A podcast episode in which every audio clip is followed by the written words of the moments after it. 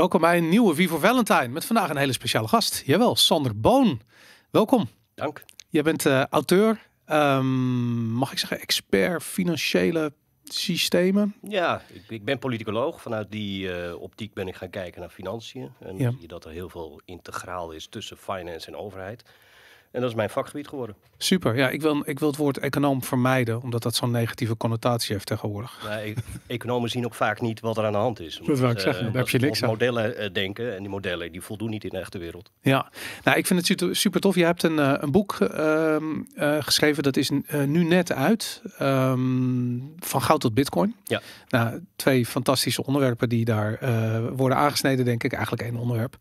En ehm, ja, wij doen natuurlijk de, de, de Vivo Valentine podcast, die draait om individuele vrijheid.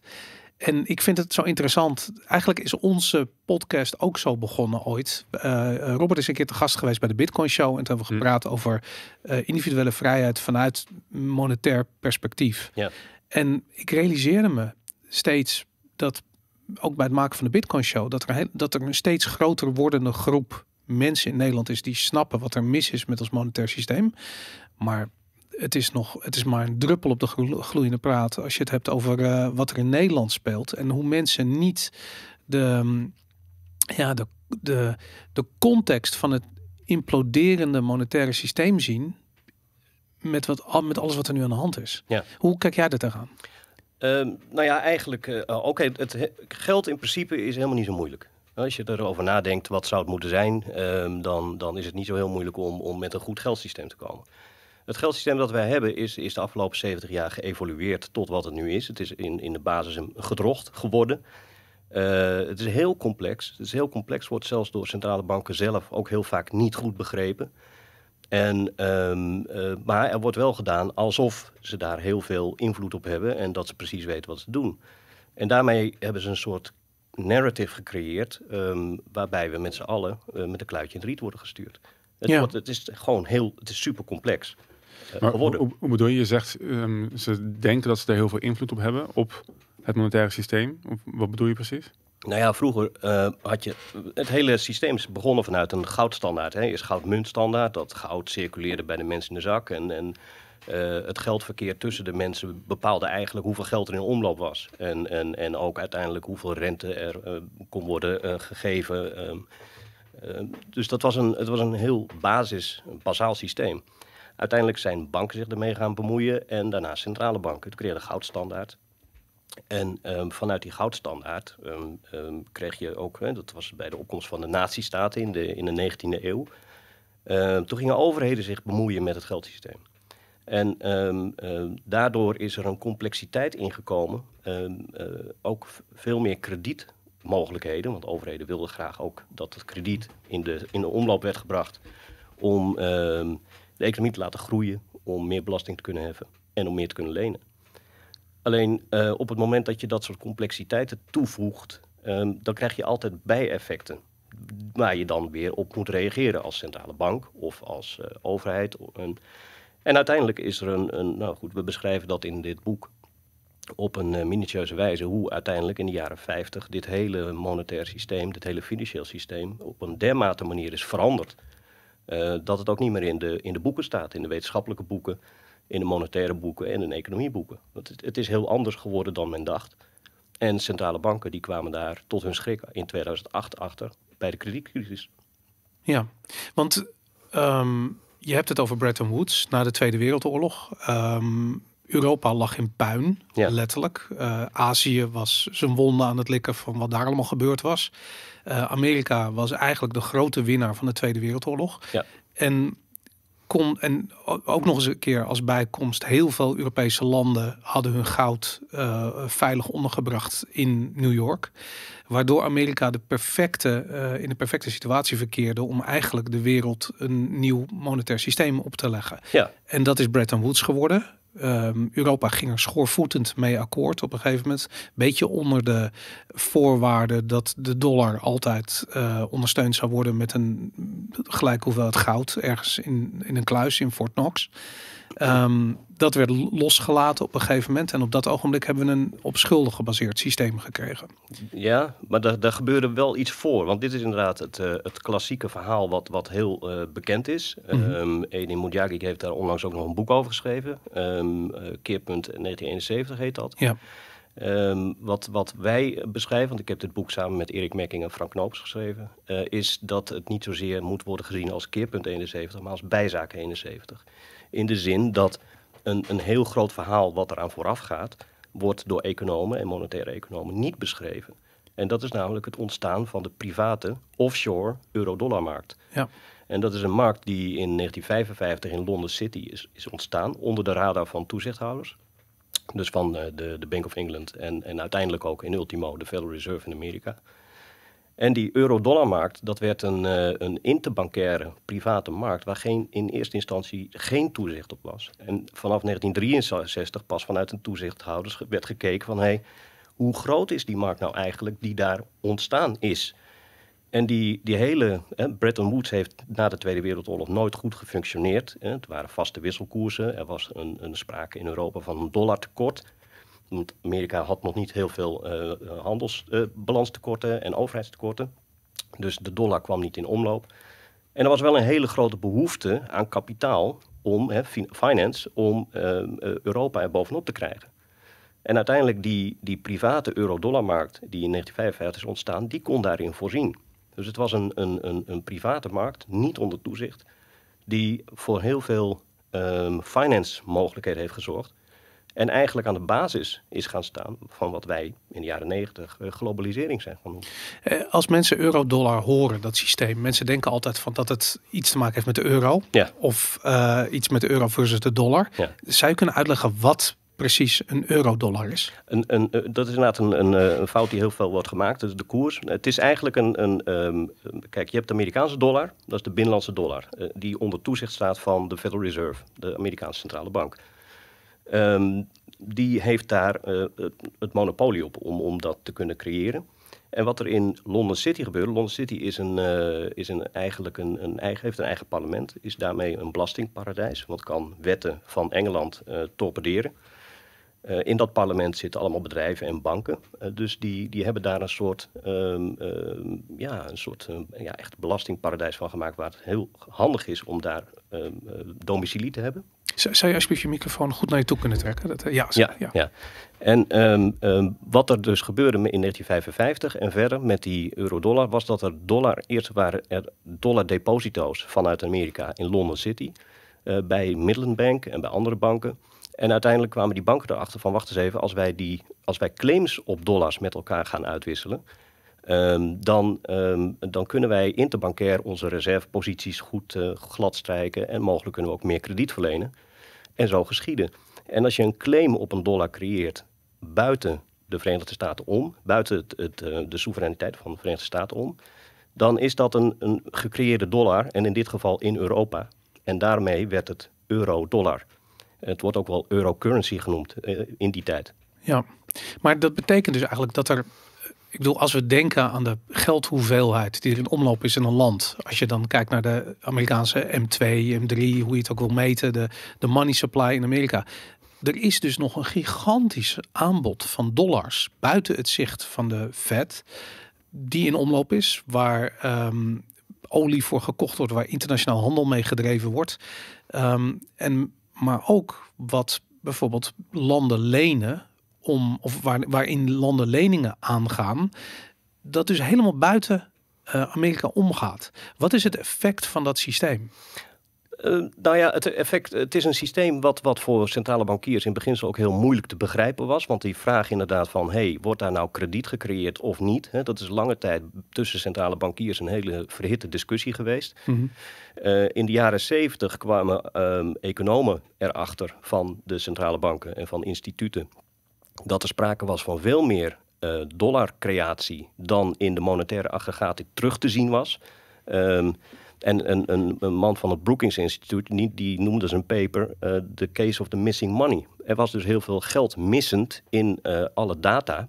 Um, je kon dus wel observeren dat er kredietcreatie was, maar het was niet terug te vinden in de eigen statistieken. Ja. En um, dat maakte ook dat centrale banken ook blind voeren. Eh, in die tijd. Hè. De, de Europese centrale banken bijvoorbeeld, die hebben in de jaren 60 en, begin jaren 70 heel veel eh, ook gebruik gemaakt van de euro-dollarmarkt. Door hun dollars die zij in kas hadden, daar in deposito te zetten. eh, zodat de, de, de eigen balans beter op orde was. Dus centrale banken, Europese centrale banken, hebben ook heel erg bijgedragen aan die markt.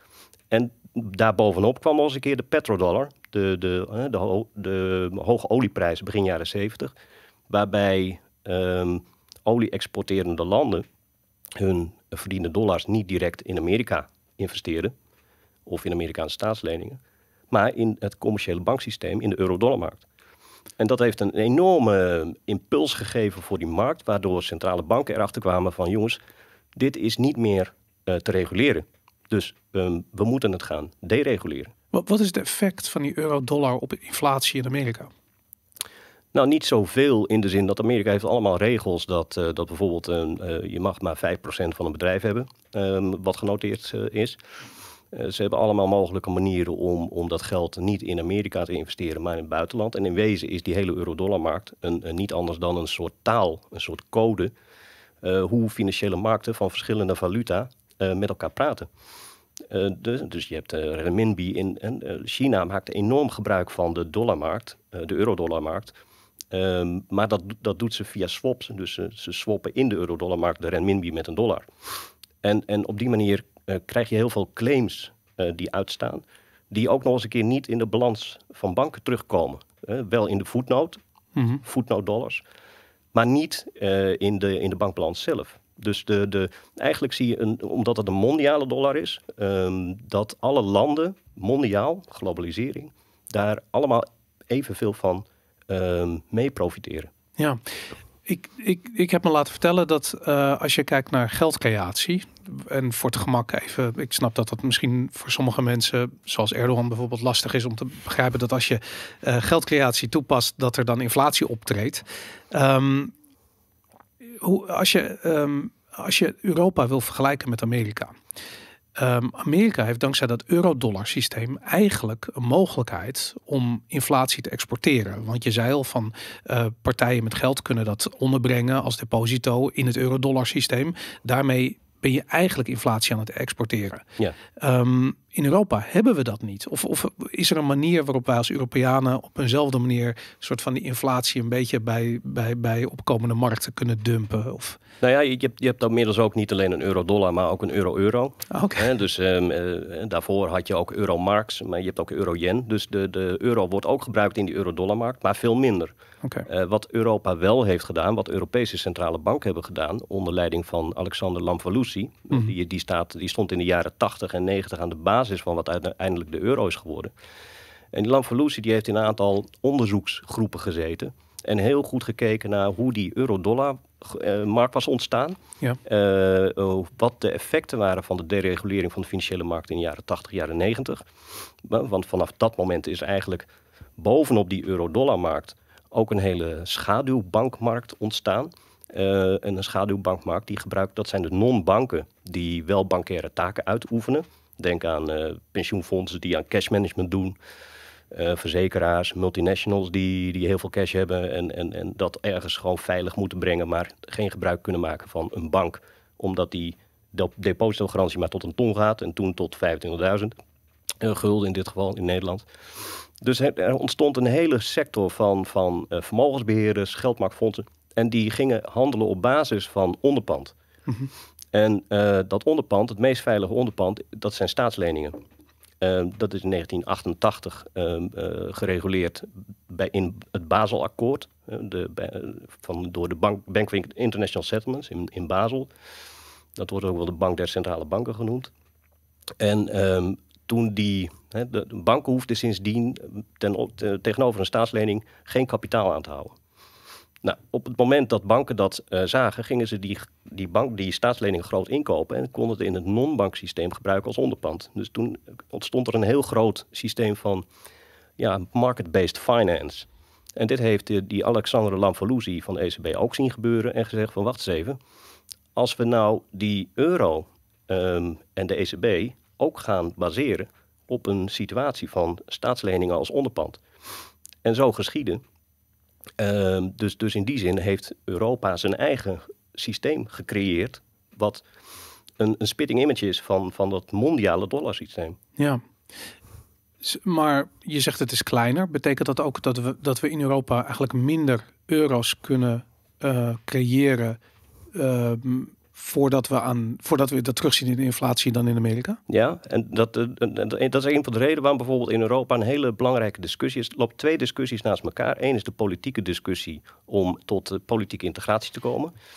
En daar wordt wel eens gewezen op een, een, een gezamenlijke begroting eh, in de Europese Unie, via de Europese Commissie. En ehm, eh, dat is de, een transferunie, wordt dat dan genoemd. En dan gaat het geld eigenlijk structureel van noord naar zuid. Wat aan de andere kant is een parallele discussie die veel dominanter is en veel meer invloed heeft. Dat is de discussie vanuit de centrale bank en andere centrale banken die eurobonds nodig hebben als ehm, eh, eh, goed, veilig onderpand voor het functioneren van het Europese financieel systeem. Maar als die eurobond er is, kan die mogelijk ook worden gebruikt door partijen in het buitenland die heel graag hebben dat er in plaats van dollarstaatspapier ook Europees staatspapier gaat circuleren. En als Kun, dat, kun je een voorbeeld geven van een land die daar op zoek naar zijn? nou, dit zijn Frankrijk en Italië natuurlijk. Ja, oh, die Ja. hebben de financiering nodig. Die hebben de financiering nodig. En een eurobond is eigenlijk een gepoelde lening. eh, waarbij eh, dat in feite een transferunie is. Omdat de, het risico van Italië en Spanje en Griekenland wordt, uit het, wordt eigenlijk vermengd met het risico van Duitsland en Nederland. Ja, maar, de, maar je zegt van er zijn landen buiten Europa die dat nodig hebben, die eigenlijk vraag hebben naar eurobonds. Nou, het zijn niet, niet zozeer landen als wel eh, private partijen. Oké, Ja, er zijn heel veel banken en, en geldmarktfondsen die nu eh, constant eh, zijn aangewezen op de Amerikaanse markt van, eh, van, van staatsleningen, de Treasury Market. Alleen die, wordt, die is zo dominant, dat is de grootste markt ter wereld. Die is eh, 22 biljoen dollar groot. En ehm, die begint de afgelopen jaren, omdat die, die markt wordt overvraagd. Eh, aan de ene kant door eh, centrale banken die constant staatspapieren opkopen en, en bedrijfsleningen en, en hypotheekleningen. Dus die, die markt die is eens in de zoveel tijd illiquide. ja. En dat is heel gevaarlijk. Want op het moment dat die echt illiquide wordt, dan hebben we een mondiale depressie. Ja, maar dat is misschien even wa- waar, ik me afvraag als ik naar je luister van... Want voor mij mis ik nog een probleemstelling in dit hele verhaal. Van wat, wat, wat is er mis met dat het zo gaat? Je had het net heel over, over de crisis van 2008. Je zegt van wat, hoe het nu is opgebouwd leidt uiteindelijk tot de crisis die we gezien hebben in 2008. Ja, nou het is een, wa- wat we hebben gecreëerd. We hadden voorheen een, een, een systeem gebaseerd op goud. En, en op basis daarvan eh, konden centrale banken ehm, eh, krediet eh, beperken in het commerciële banksysteem. Alleen omdat er zo, we zijn nu zoveel slagen verder gekomen, ook door die deregulering van financiële markten, Mhm. het ontstaan van market-based finance en die staatslening die daar een onderdeel, een kern van is geworden, dat wij een, een, een, een mondiaal systeem hebben gebaseerd puur op, op bezit en de krediet, kredietwaardigheid van, van dat belangrijk, belangrijke onderpand. En als je dan kijkt ehm, welke partijen daar allemaal van profiteren, nou, dan zijn dat niet alleen financiële partijen, banken, maar dus ook allerlei vermogensbeheerders eh, en overheden. Die hebben een heel groot belang dat die markt voor staatsleningen stabiel blijft. En zo zie je dus dat er een soort symbiose is ontstaan, een gedeeld belang tussen aan de ene kant de financiële sector, die enorm gegroeid is de afgelopen 30, 40 jaar, en overheden ehm, die er een, een heel veel baat bij hebben dat die markt stabiel blijft. En die overheden, overheidsbureaucratieën, die zijn de afgelopen decennia ook gegroeid. Op basis van dat ze eigenlijk konden lenen wat ze wilden. Eh, omdat die staatslening nou eenmaal gewild, werd, eh, gewild was in dat financieel systeem. Ja, wat je, net, waar je net naartoe woude, namelijk dat die, dat die staatsleningen op een gegeven moment illiquide worden. We hebben dat gezien net voorafgaand aan eh, het uitbreken van de coronacrisis. En dat is eigenlijk ook waar ik denk waar al die dingen samenkomen. En ook onze persoonlijke vrijheid ding samenkomt. Toen dat gebeurde, zag je dat er grote paniek was. Dus de, ehm, eh, ik, ik, ik geloof dat wat jij zegt van de, het leidt tot crisis. Waarom leidt het tot crisis? De vraag toeneemt, nou, gaat de rente omhoog? Als de rente omhoog gaat, krijg je dus uiteindelijk die deflationaire crash. Ehm, dat, dat is eigenlijk is dat gebeurd. Ze hebben dat gecounterd door op die geldpersen aan te zetten zoals nog nooit eerder tevoren. Ehm, ik weet even niet uit mijn hoofd, maar ik dacht dat Amerika 5 biljoen heeft gecreëerd sinds toen eh, op de balans. Alleen maar om ehm, eigenlijk dit probleem op te lossen. In Europa zijn we hard dezelfde kant op aan het gaan.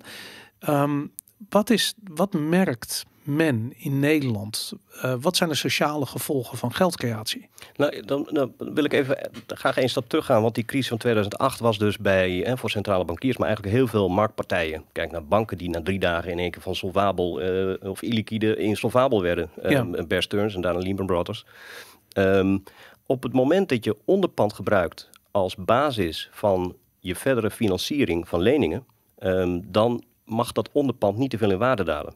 Want op het onderpand in plaats van goud, zoals vroeger. Ja, voorheen was dat uh, goud en, en, en was alles op basis van bezit, maar we doen nu alles op basis van schuld. Dus op het moment dat, dat jij een, een lening financiert op basis van schuld uh, als onderpand, dan mag die waarde van dat onderpand niet in waarde dalen, want dan moet je bijlappen. Dan heb je een margeverplichting. En wat er in 2008 gebeurde, was dat in Amerika de huizenprijzen ineens, het kon niet volgen de data, die historische data, maar het gebeurde wel in 2006 omlaag ging. En daardoor ontstond er uh, zo langzaamaan uh, frictie in de markt van financieel onderpand, in dit geval hypotheekleningen. En op het moment dat het wantrouwen in hypotheekleningen ontstond, uh, werden ze gedumpt. Maar er waren heel veel partijen die financiering nodig hadden om hun leningen, hypotheekleningen door te rollen. En nou, de kredietcrisis was dus een moment dat ehm, die, die hypotheekleningen niet meer werden vertrouwd banken illiquide werden, die wisten van elkaar van ja, jij hebt hetzelfde probleem als ik. Je hebt ook een margeverplichting. Ik ga geen dollars aan je uitlenen, want ik heb ze zelf hard nodig. En by the way, ik ga hypotheekleningen dumpen. En zo ontstond er een, wat eerst een, een treintje naar boven was, werd toen een treintje naar beneden. En fast forward uh, eh, 2020, wat je, waar op wijst, in uh, maart 2020. Wat toen ontstond, was nog eigenlijk veel gevaarlijker. Namelijk een uh, probleem in het hart van het, het financieel systeem. Namelijk de waarde van Amerikaanse staatsleningen. Die ging op een gegeven moment hard omlaag. In plaats van wat je zou verwachten, er is een vlucht naar veiligheid, die gaan wel omhoog. En dat was het moment dat heel veel partijen uh, verkeerd hadden gegokt. Hedge funds, vermogensbeheerders. En dat, dat werd een monumentale crisis. Waar inderdaad dus uh, de, de Federal Reserve enorm heeft moeten ingrijpen door onbeperkt staatsleningen te gaan kopen om die prijs weer omhoog te krijgen. Maar het is misschien een beetje een, een, gegeven, maar toch even voor, voor mensen die hier nieuw in zijn. Want het, wat is het grote gevaar? Want volgens mij zeg je twee dingen. Aan de ene kant heb je het dus over inderdaad een, een, een onhoudbare schuldenberg. Wat leidt door een financiële crash. Maar ik hoor je ook net iets zeggen over het uitdijen van een bureaucratische staat. Ja. En kan je, kan je dat toelichten? Nou, dit is inderdaad het gevolg eigenlijk wat, wat um, uh, zegt. Want je, kijk, op het moment dat je Um, centrale banken hebben door dit veranderde financieel systeem een hele andere rol gekregen. Namelijk niet meer als lender of last resort op het moment dat een bank illiquide is, maar als buyer of last resort om de onderliggende leningen de waarde hoog te houden. En op het moment dat jij aan, aan alle financiële participanten, en tegenwoordig dus sinds maart 2020, inclusief overheden, um, signaleert dat jij onbeperkt gaat kopen om de leningen op waarde te houden, dan creëer je natuurlijk één grote moral hazard. Je kunt, je kunt gokken wat je wilt, je kunt, je hefboom, leverage, je, kunt alles doen wat je wilt. Dat is volgens mij ook de reden waarom je ziet dat de markten sindsdien uh, gewoon omhoog gaan, terwijl de onderliggende economie stagneert. Maar je ziet ook dat het gedrag van overheden is veranderd. Want die kunnen ook onbeperkt uitgeven. Die kunnen dus aan de ene kant de economie stopzetten en aan de andere kant subsidiëren. Zonder, zonder dat het ze pijn doet. Hoe bedoel je stopzetten? Stopzetten in de zin van lockdowns. Ja, oké. En dan um, uh, overheden die, die, die hebben dus het signaal gekregen, nu eigenlijk van financiële markten in combinatie met centrale banken. Jullie zakken zijn onbeperkt diep. En wat, do wat doet dat met, ja, met mensen, met overheden? Die vinden dat nogal prettig. En vroeger had je de, de zogenaamde bondvigilantes, dat zijn de, uh, de overheid moest bang zijn voor een verkoopgolf. Dat hebben we hier in, eh, in Europa gehad met de Griekse staatslening in 2010. En uiteindelijk moest eh, Mario Draghi, de voorganger van uh, Christine Lagarde, die moest komen met we will do whatever it takes to, to, to save the euro in 2012. Omdat hij was eigenlijk niet zozeer bezig met de gatale euro, hij was bezig met het financieel onderpand. Ja. En, en, waar gaat dit heen leiden? Want, want, we zijn nu inderdaad op grote schaal um, schulden aan het opkopen. De centrale bank doet dat. Dus die berg wordt alleen maar groter en groter. Uh, het ging vorig jaar bijna mis, maar wat is nu, wat is nu op welke termijn gebeurt er wat nu? Nou, de, termijn is natuurlijk heel moeilijk in te schatten. Wat ik wel zie is dat uh, bijvoorbeeld, um, je hebt de, Group of 30, dat zijn een, een G30, die zit in, uh, ik, ik meen in New York. Dat is een, een organisatie van oud-centrale bankiers en oud-ministers van Financiën.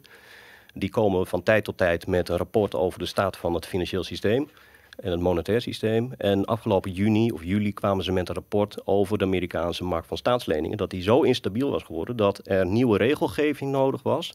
En nieuwe instrumentarium voor de Federal Reserve. Om ervoor te zorgen dat die illiquiditeit niet meer zou optreden. Want de Amerikaanse rente is de benchmark voor nou, zo ongeveer de hele de mondiale economie. En dat is het anker waar, waar alle financiële instellingen op, op, op, op koersen. Ja. En uh, dus toen, toen die, uh, die, dat rapport kwam uit en in diezelfde week heeft de Federal Reserve twee uh, noodloketten die eerst ad hoc waren, permanent gemaakt. Eén voor marktpartijen en de andere voor buitenlandse overheden die veel dollarpapier aanhouden. Um, maar goed, in datzelfde rapport uh, stond ook dat uh, bijvoorbeeld het uitdijen van Amerikaanse begrotingstekorten, wat, wat nu gebeurt en wat, wat ja, je ziet die curves gaan allemaal, dat dat probleem nog niet is opgelost met die noodvoorzieningen en die, die, die noodloketten. Dus er zit een, een fundamenteel probleem in een, in een schuldeneconomie. Um, wat je ziet is dat over, eigenlijk schulden kunnen alleen maar toenemen.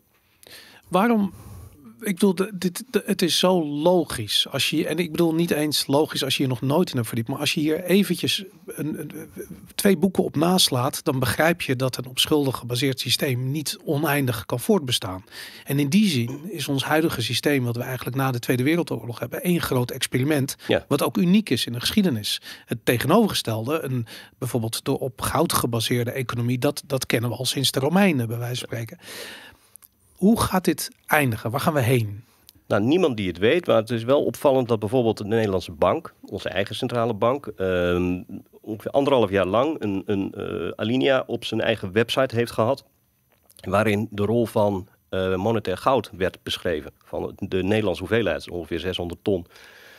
Uh, in dat stukje stond dat, en ook in die bewoordingen, dat um, wij hebben dat goud hè, als bank als appeltje voor de dorst want als dit mondiale systeem implodeert, mm -hmm. dan hebben wij nieuw uh, uh, goud als onderpand voor de herstart en, en opstart van een nieuw systeem. En dit, is, dit zijn de letterlijke woorden van de Nederlandse bank. En ik, ik denk eerlijk gezegd, als je kijkt naar de balans van de ECB, dan zie je bijvoorbeeld dat uh, goud activa nummer 1 is. Hè, op het moment mark-to-market, dat betekent als de goudprijs stijgt, mm -hmm. dan wordt de balans van de ECB sterker. Ja. Uh, dat is dus een mechanisme. Dat hebben, Rusland heeft dat overgenomen. Ik geloof dat China dat ook heeft overgenomen. En eigenlijk kun je aan die uh, situatie die op de achtergrond speelt, die eigenlijk nooit wordt beschreven, um, zien dat, dat centrale banken donders goed weten dat dit systeem een logisch einde heeft. Namelijk in een systeemkracht. Ja, ik vind, wat ik zo interessant vind, is de tegenstrijdigheid die er zit in aan de ene kant wat Paul Volcker, de legendarische minister van Financiën in Amerika, die op een gegeven moment ook in tijden van zware inflatie de rente uh, volgens mij bijna 20% heeft uh, opgeschroefd en daarmee een crash heeft veroorzaakt, maar wel het voortbestaan van het systeem. Die heeft gezegd, uh, de enige grote fout die ik gemaakt heb, is dat ik de dollarprijs niet meer onderdrukt heb. En sindsdien hebben ze die fout niet meer gemaakt. Ik bedoel, er zijn allerlei voorbeelden van hoe de goudprijs, sorry, ik bedoel de goudprijs, ik zei dollarprijs, maar de goudprijs. Um, uh, zien we allerlei voorbeelden van grote banken die op de papieren goudmarkt eigenlijk bezig zijn om de prijs van goud te onderdrukken. Uh -huh. uh, je zou kunnen zeggen van nou, dit is beleid. Hoe kan het dat centrale banken aan de ene kant zoiets hebben van ja, we moeten goud hebben en aan de andere kant zoiets hebben van we moeten die prijs laag houden? Ja, dat is een, de, de bind, denk ik, van uh, de, de, de, centrale banken, Europese centrale banken voorop, die, die zagen de, de, uh, het wegduwen van monetair goud uit het systeem door de Verenigde Staten. Niet door de Federal Reserve overigens, maar door het ministerie van Financiën. Uh, met ledenogen aan. En die hebben in de jaren 80 en 90 altijd gedacht van we moeten een oplossing vinden voor dit, dit dollarprobleem. Uh, de euro is natuurlijk al een soort uh, verdedigingslinie tegen een, een, een, uh, een, dollar die, die kapot gaat. -hmm. Kijk bijvoorbeeld naar Zwitserland. Zwitserland wordt nu nog gezien als een, een safe haven. En op het moment dat er mondiale spanningen zijn, dan vluchten heel veel rijke mensen in de, de Zwitserse frank. Nou, die stijgt dan heel hard in waarde en dan heeft Zwitserland een probleem. En dat, dat probleem heeft Europa willen ondervangen door een euro. En dan heb je een grotere verdedigingslinie. Um, en ze hebben heel erg gesproken over de herintroductie van monetair goud in het systeem. En dat is dat mark-to-market. Ja. Alleen, ik denk dat, dat along the way, met die Lamfalussy die verlekkerd keek naar eh, de, de, de market-based finance... ehm, en de mogelijkheden van, van eigenlijk onbeperkt krediet... dat dat te... ehm, dat was de kat op het spek binden. En daar zijn ze van gaan profiteren. En, de, de, en daardoor krijg je ook de, eh, dat is die, die double bind. Dat aan de ene kant weet je dat goud heel belangrijk is. Maar aan de andere kant kun je binnen dit systeem... ehm, moet je ervoor waken dat de goudprijs te snel omhoog gaat. Want het, het vervelende van goud voor centrale banken is dat, dat op het moment dat het heel snel stijgt, wil niemand het meer verkopen en iedereen wil het hebben. Dus je krijgt een, een enorme eh, spike omhoog. Mhm. Bijna wat Bitcoin ook eh, bij tijd en wijle laat zien. Ja. Ehm, dus de, en dat probeert ze te voorkomen. Want op het moment dat dat gebeurt, zul je zien dat en goud heeft al een, een geschiedenis van 5000 jaar. Dat mensen gaan vermoeden, eh, en waarschijnlijk terecht, dat er iets fundamenteel mis is. Dus daar komt eigenlijk die, die, dat, die, die, die rare tegenstelling tussen eh, goud in tomen houden versus eh, de herintroductie. En als je dan van die teksten hoort, volgens mij Klaas Knot zei dat gisteren of eergisteren nog van eh, inflatie is van voorbijgaande aard. Of misschien niet. Zo heeft hij gezegd, geloof ik. Ik bedoel, dat vind ik namelijk die tegenstelling eh, in de praktijk. Weet je, Ja. dat ze, ze waarschuwen voor inflatie, maar ze kunnen niet waarschuwen voor inflatie, want dat is natuurlijk een self-fulfilling prophecy. Dus moeten ze ook zeggen van, maar er komt, het, blij, het is niet van lange duur, weet je. Terwijl, ja, inflatie, de enige manier waarop inflatie niet van lange duur is, is een totale crash. Wat politiek gezien ook niet heel opportun is. Nou ja, dat is, daaraan kun je dus zien dat, dat centrale banken, hè, ook bijvoorbeeld eh, met renteverhogingen, eh, dat kunnen ze ook niet, want de markt bepaalt de rente. Eh, de Ja. markt bepaalt de korte rente en de lange rente. En uiteindelijk het sentiment in de markt is bepalend voor, voor, voor de, waar de, de, de rente zich bevindt. Centrale banken proberen dat wel te beïnvloeden en, en te nudgen en net doen alsof zij dat doen. Hè, dus een Amerikaanse centrale bank die liet het ook in, de, in een van de notulen eh, optekenen. Niet in het openbaar, maar in de notulen van de, de, de centrale bank. Dat du moment dat zij gaan beginnen met het opkopen van, groots opkopen van staatsleningen en, en andere leningen eh, via quantitative easing. Hij zegt dat dat is eigenlijk heel raar dat we dat doen, want we kopen precies datgene wat de markt al wil. Ja. En, en dat is dus precies niet wat je, wat je moet doen als centrale bank in de klassieke rol, waarbij je datgene biedt waar de, waar de markt niet aan, aan kan komen, namelijk liquiditeit. En hetzelfde geldt denk ik in, in deze zin met, met eh, inflatie. Eh, centrale banken kunnen dus nu op dit moment de rente niet verhogen, want ze bepalen de rente niet. Eh, Maar Wat en bedoel je daar precies mee? Ze, ze, bepalen de rente niet. de, de markt bepaalt de rente in de zin dat de benchmark rente die we hebben is gebaseerd op wat de rente van de staatslening is. Maar op het moment dat de staatslening tegelijkertijd het meest veilige onderpand is in het systeem, wil iedereen het hebben op het moment dat de, de onzekerheid toeneemt. En dat is ook de reden waarom je ziet dat eh, na de kredietcrisis die, die korter en lange rente fundamenteel een stap lager zijn gezet en, en soms zelfs negatief. Hè, voor landen als Duitsland met de Deutsche Bund. Die, ehm, eh, waarbij op een gegeven moment de hele curve negatief was. Waarom? Omdat die staatslening van Duitsland zo gewild was als kapitaalmarktinstrument en niet als belegging, dat die prijs omhoog ging. En, ehm, De rente dus naar beneden. en de rente dus naar beneden. Ja. Dus de centrale bank die kan niet tegen de markt zeggen: je moet die staatsleningen niet kopen. De centrale bank kan ook niet staatsleningen uit het niets creëren. Dat doet namelijk de overheid. Dus er is nu een, een situatie ontstaan waarbij die over, financiële markten en overheden zo vervlochten zijn geraakt in de vorm van de staatslening, dat centrale banken daar eigenlijk geen goede monetaire rol meer in kunnen spelen. Dus als dan de inflatie hoog is, dan kunnen ze heel veel eh, praten, maar ze kunnen niks doen. Dus, eh, en ergens denk ik ook wel dat ze gelijk hebben dat zij een inschatting maken dat de inflatie ehm, wel weer omlaag zal gaan. Dat die transitory is, wat zij dan noemen. Omdat het grote probleem is natuurlijk eh, van schulddeflatie. Dat je, dat je de, je schulden niet meer kunt doorrollen, omdat je niet meer wordt vertrouwd. Dat, dat is het grootste gevaar. Met als gevolg dat bedrijven failliet gaan, massawerkloosheid en eh, jaren 30.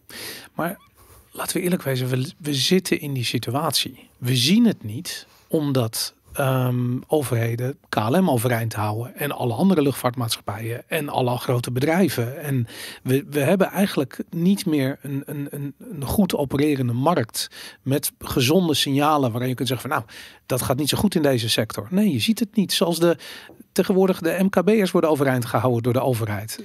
Die, en, dat vind ik interessant, die, die, met die maakbaarheidsgedachte van economie. Dat je zegt van nou, we kunnen zelf al onze schulden opkopen, wat eigenlijk Europees gezien en in Amerika ook maar gebeurt. Daar, daarbij heeft ook een intrede gedaan van het idee van we kunnen alles bepalen vanuit de politiek. We kunnen alles creëren. Laat ik zo zeggen, de uh, Arno Wellens heeft hier gezeten en die zei op een gegeven moment van het interessante is dat die politici in Europa op een gegeven moment volledig clueless waren. En dat die ideeën die vervolgens opkwamen van die central bank digital currency, wat eigenlijk een soort munteenheid is die volledig te controleren valt, die kwamen vanuit de ECB.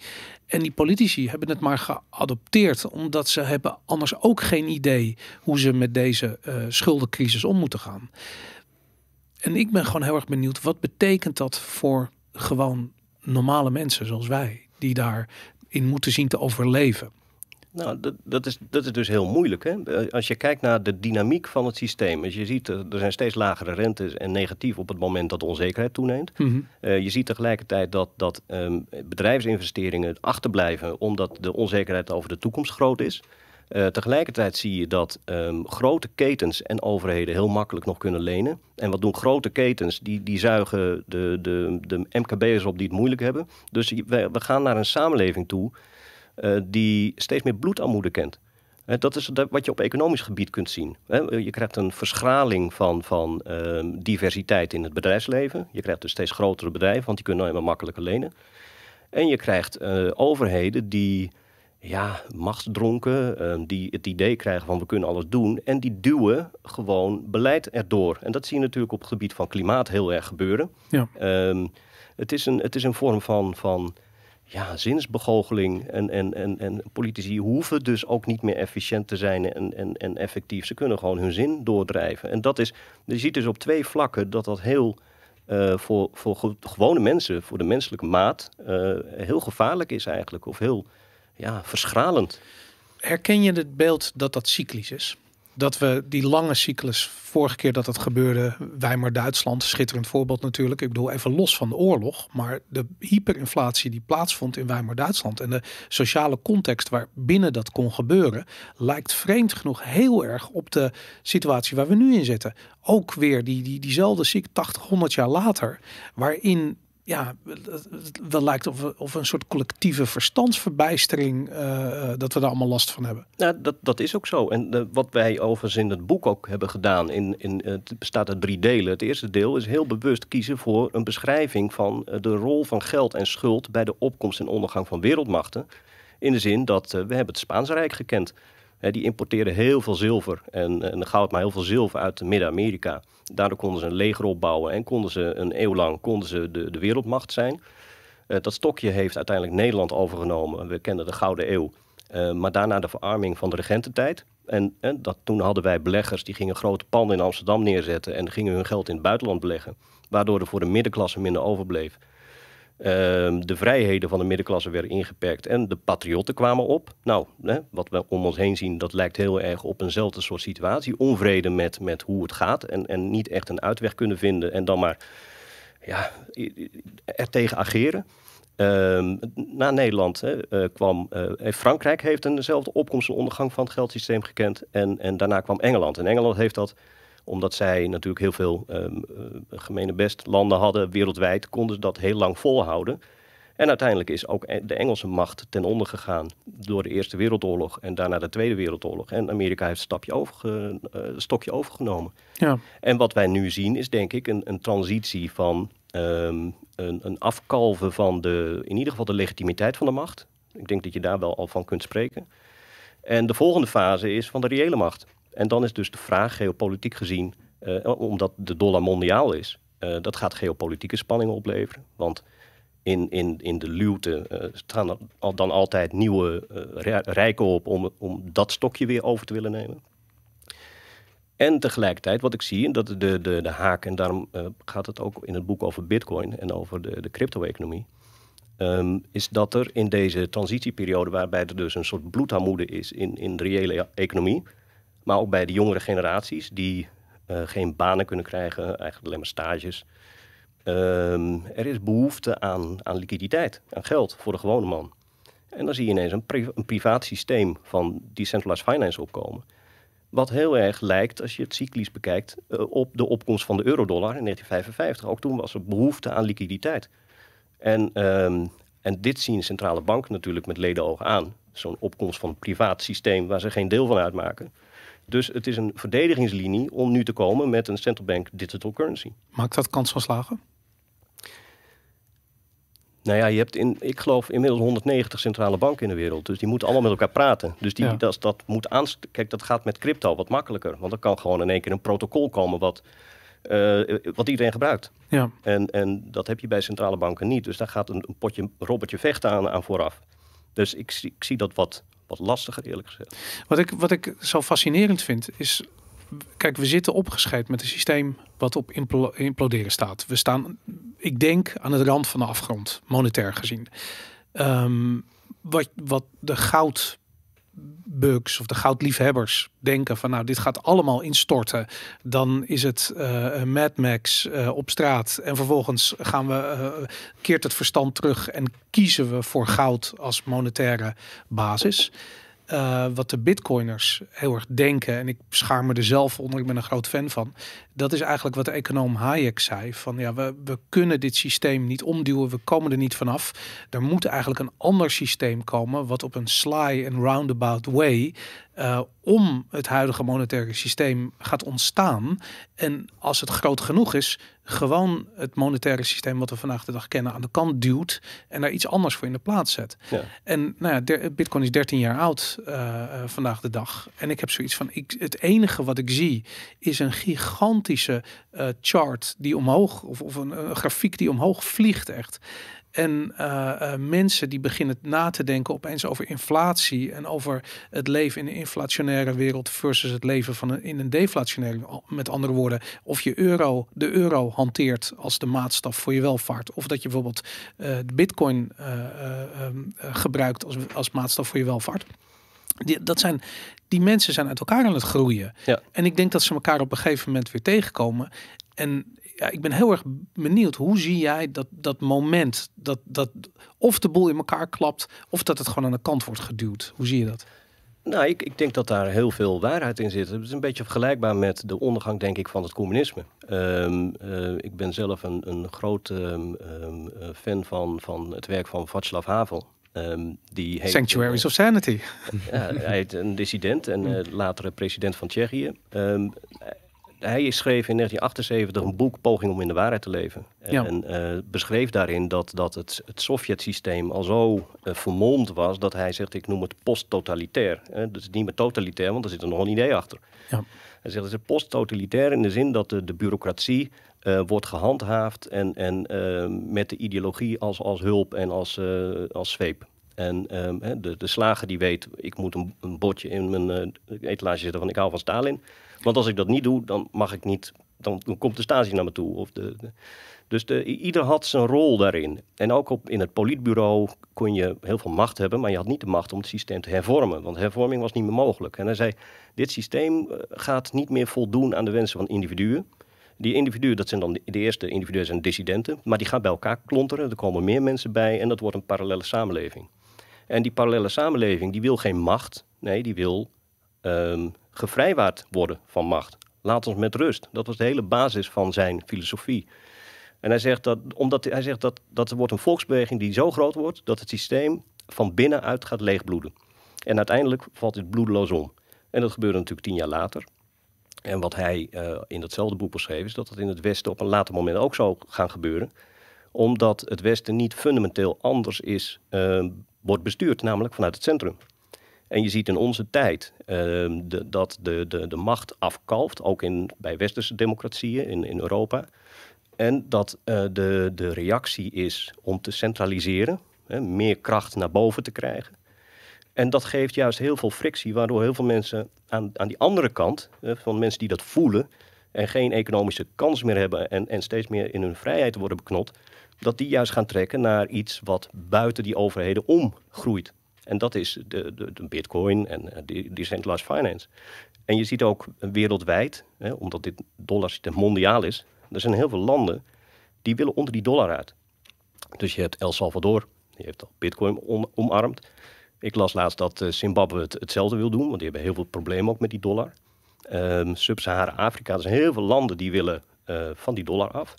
En dat kan in combinatie met belastingparadijzen, uh, Zug in, in Zwitserland, Singapore, misschien London City uiteindelijk een, een, een gegeven creëren waarbij decentralized finance zo snel groeit dat dat voor de autoriteiten die de status quo bevechten ehm, niet meer is tegen te houden.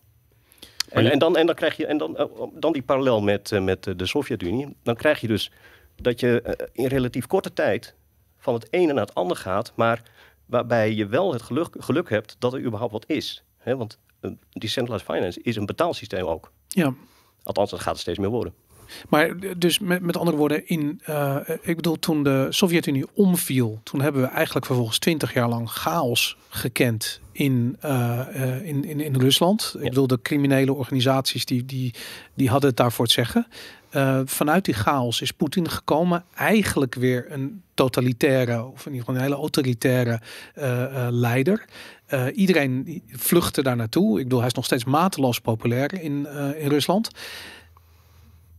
ik, bedoel eigenlijk de grote fout van de instorting van, het, van de Sovjet-Unie is dat ze niet iets anders zijn. Ze zijn niet in staat om wezenlijk vooruit te gaan. Nee, ze zijn teruggekeerd naar hoe het ooit begonnen was. Namelijk weer een autoritaire manier van leiderschap.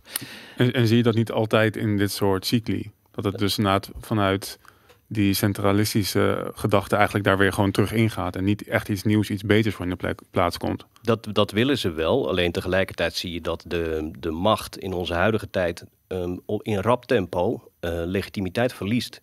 toen de Sovjet-Unie viel, was de Amerikaanse overheid die stond op de toppen van zijn macht. En uh, de Amerikanen die hebben ook een hele belangrijke rol gehad in het niet kunnen ontwikkelen, verder kunnen ontwikkelen, ontwikkelen van Rusland zelf. Sterker nog, in de jaren negentig heeft in weerwil van de afspraken die waren gemaakt met Yeltsin, heeft Amerika en heeft de NATO de grenzen van Rusland opgezocht.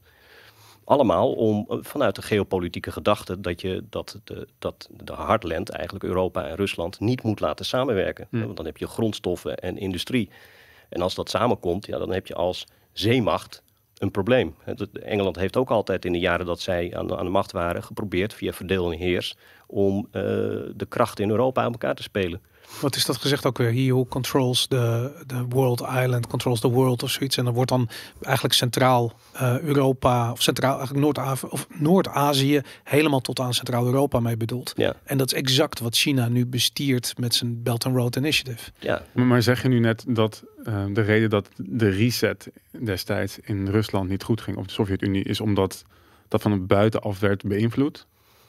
Er is, er is een, een, op een, um, kijk, uiteindelijk, de, Rusland moest ook gaan gebruik maken van de dollar. En die kreeg adviezen van Amerikaanse investmentbankers, maar ook van, van de Amerikaanse uh, overheid. En dat is niet noodzakelijkerwijs altijd het, het advies geweest waar Rusland als land het meest aan zou hebben gehad. Um, en, en eh, gekoppeld nogmaals met die, die NAVO die richting die grenzen ging, is daar een dynamiek ontstaan waarbij ze weer echt moesten kiezen voor zichzelf. En een, een, een krachtpatser um, uh, eigenlijk als vanzelf kwam die inmiddels ook weer wordt gecreëerd of gebruikt als een soort, uh, ja, er wordt dan nieuw Hitler gezegd. En uh, de, dat is een soort gecreëerde narrative om, om de, de, de stappen die je zelf zet te kunnen vergoelijken. Ja. Um, dus, maar als je het dan hebt, want dat was de, je vraag over of als, als dit dollarsysteem dan daadwerkelijk implodeert, of overheden dan die rol van centralisering over zullen nemen, denk ja. Uh, maar misschien zijn het er meer in de zin dat je weer meer landen krijgt die met elkaar dan de strijd gaan gaan. Dat, dat kan zijn, dat, dat zijn die geopolitieke spanningen die je krijgt als de topaap wegvalt. dat zie je vaak in apenkolonies ook. Als het alfaman doodgaat, dan krijg je eerst een periode van strijd. En dat, dat is niet leuk, dat is niet prettig, maar die, je hebt die strijd nodig om te herkalibreren. Een soort nieuw ecosysteem te krijgen. En dan verschuift de macht van wie naar wie? Want je zegt net, overheden nemen dat over van de centrale banken of die... Nou, overheden en centrale banken zijn in wezen één. Ja, precies. Ja. En uh, die hebben nu dus de, de mogelijkheid om, om uh, echt dingen door te drijven, maar niet vanuit gezag, maar vanuit pure macht. En, en de bevolking die ziet dat, die die heeft daar steeds meer moeite mee. Dus die, die wil daar onderuit. Ehm, ja, en dat is een nieuwe volksbeweging. En, en hoe meer centralisering er zal worden gebruikt om de mensen eronder te houden, hoe meer die dynamiek gaat opspelen tussen, tussen vrijheid versus dwang. Ehm, en ik denk dat dat het thema is van de huidige tijd. Ja, het, je, je, je, je signaleert het heel mooi, maar ik ben heel erg benieuwd of je ook concrete toepassingen ziet. Als je, ik bedoel, je bent zelf ook vader. Uh, ik heb ook kids. Uh, je kijkt naar die wereld waarin je kinderen gaan opgroeien. En ja, je ziet dat ze geen huizen meer kunnen kopen zometeen. Je ziet dat, um, ja, misschien leuk dat er werk is. Wat werk, ik weet het niet. Maar, maar in een eurowereld waarin de waarde van die euro verdampt. Wat voor toekomst heb je daarin? Hoe, hoe, kijk je concreet naar, naar de wereld nu? Nou, ik, kijk, mijn dochter is 13. Um, ik, ik, ik, deel die zorg. Um, maar wat, wat ik als vader um, kan doen, is haar wijzen op wat er gebeurt. En zij zal in een periode opgroeien waarbij uh, ze misschien op een vroegere tijdstip zelf echt moet leren nadenken over haar eigen omgeving en haar eigen keuzes dan dat wij hebben geleerd in relatieve vrijheid en, en, en, uh, en welvaart. Um, het is, het is niet noodzakelijkerwijs een, een prettige tijd om, om, om in op te groeien. Aan de andere kant is het ook zo dat, uh, ja, um, ik geloof dat Lincoln dit ooit heeft gezegd, elke generatie heeft zijn, uh, zijn eigen revolutie nodig. Ja. Um, dat, om, omdat macht corrumpeert en totale macht corrumpeert totaal. Dus soms moet je door een periode dat, dat dingen toch weer anders worden gedefinieerd. Misschien zijn zij over tien jaar de generatie die inderdaad het huidige systeem het laatste zetje geven. Nou ja, als je kijkt, het heel interessant vind ik. De, ik schreef in 2012 een boek, De Geldbubbel. En uh, dat was een periode waarbij niemand bezig was met het geld. Ja. Want het was geen hot item.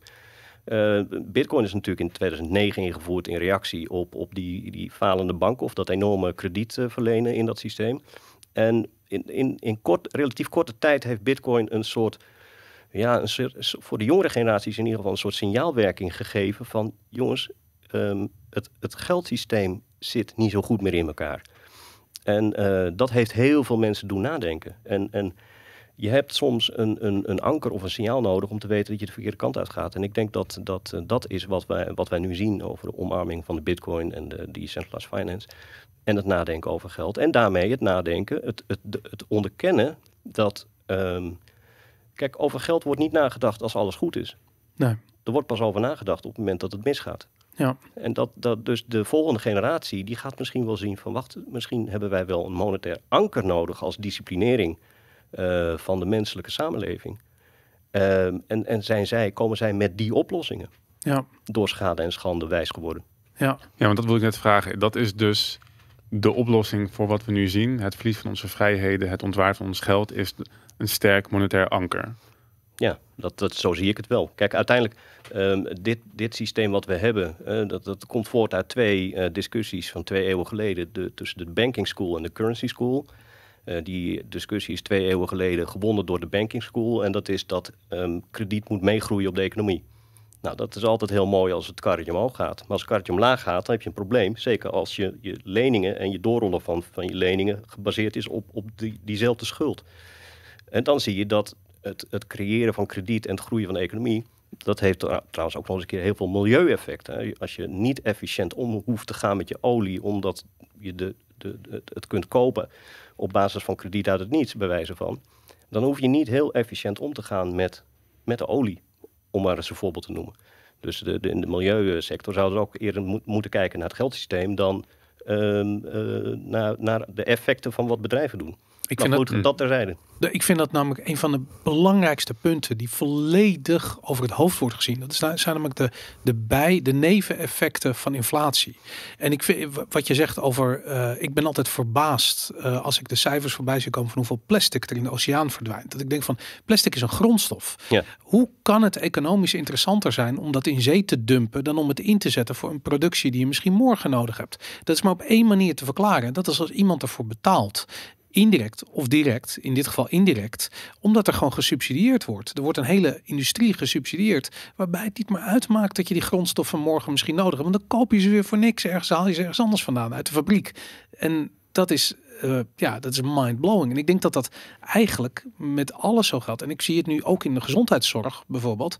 Dat um, uh, wat zie je gebeuren op het moment dat we te maken hebben met inflatie? Kwaliteit van voedsel gaat achteruit. Ik bedoel, vroeger hadden we, uh, werd in ons, in ons mandje, het, het, het, het CPI, um, daar werd dan een hamburger, of wat zeg ik, een biefstuk meegenomen. Nou, dat werd op een gegeven moment een hamburger. En dat is nu zometeen waarschijnlijk een, een krekelburger. weet ik wel wat voor insecten ze verzinnen, als het maar goedkoop is.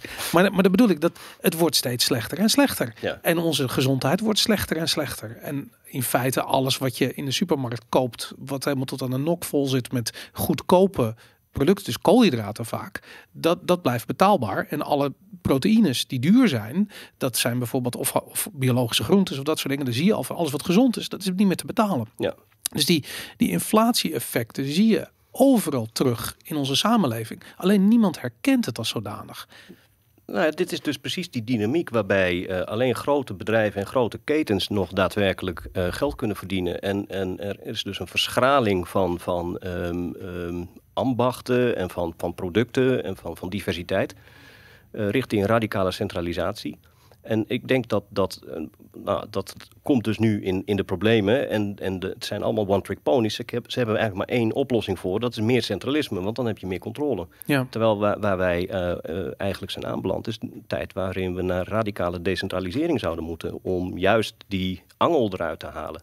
Niet alleen die vrijheidsangel, maar ook die welvaartsangel. Maar dat zijn we toch aan het doen? Dat, dat is toch wat bitcoin is? Dat is wat bitcoin is. Dat precies. Dat is de, de, en daarom wordt dat ook zo met argusogen bekeken. Want het is een, een, een, een oplossing die juist heel veel macht uit handen slaat van overheden en centrale banken. In combinatie met die groot, grote ketens die allemaal met elkaar praten. Ja.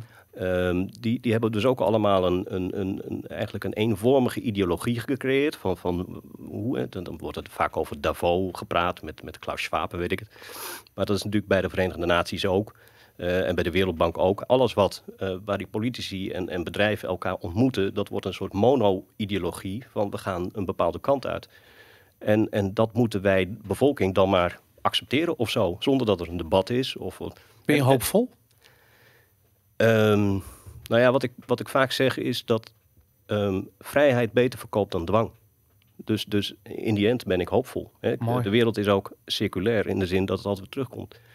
Maar we zullen wel door die rotte appel heen moeten van uh, machtsconcentratie. Ja, vind ik een mooi einde van deze, van deze podcast, van dit gesprek. Ja. Sander, dankjewel. Ja, graag gedaan.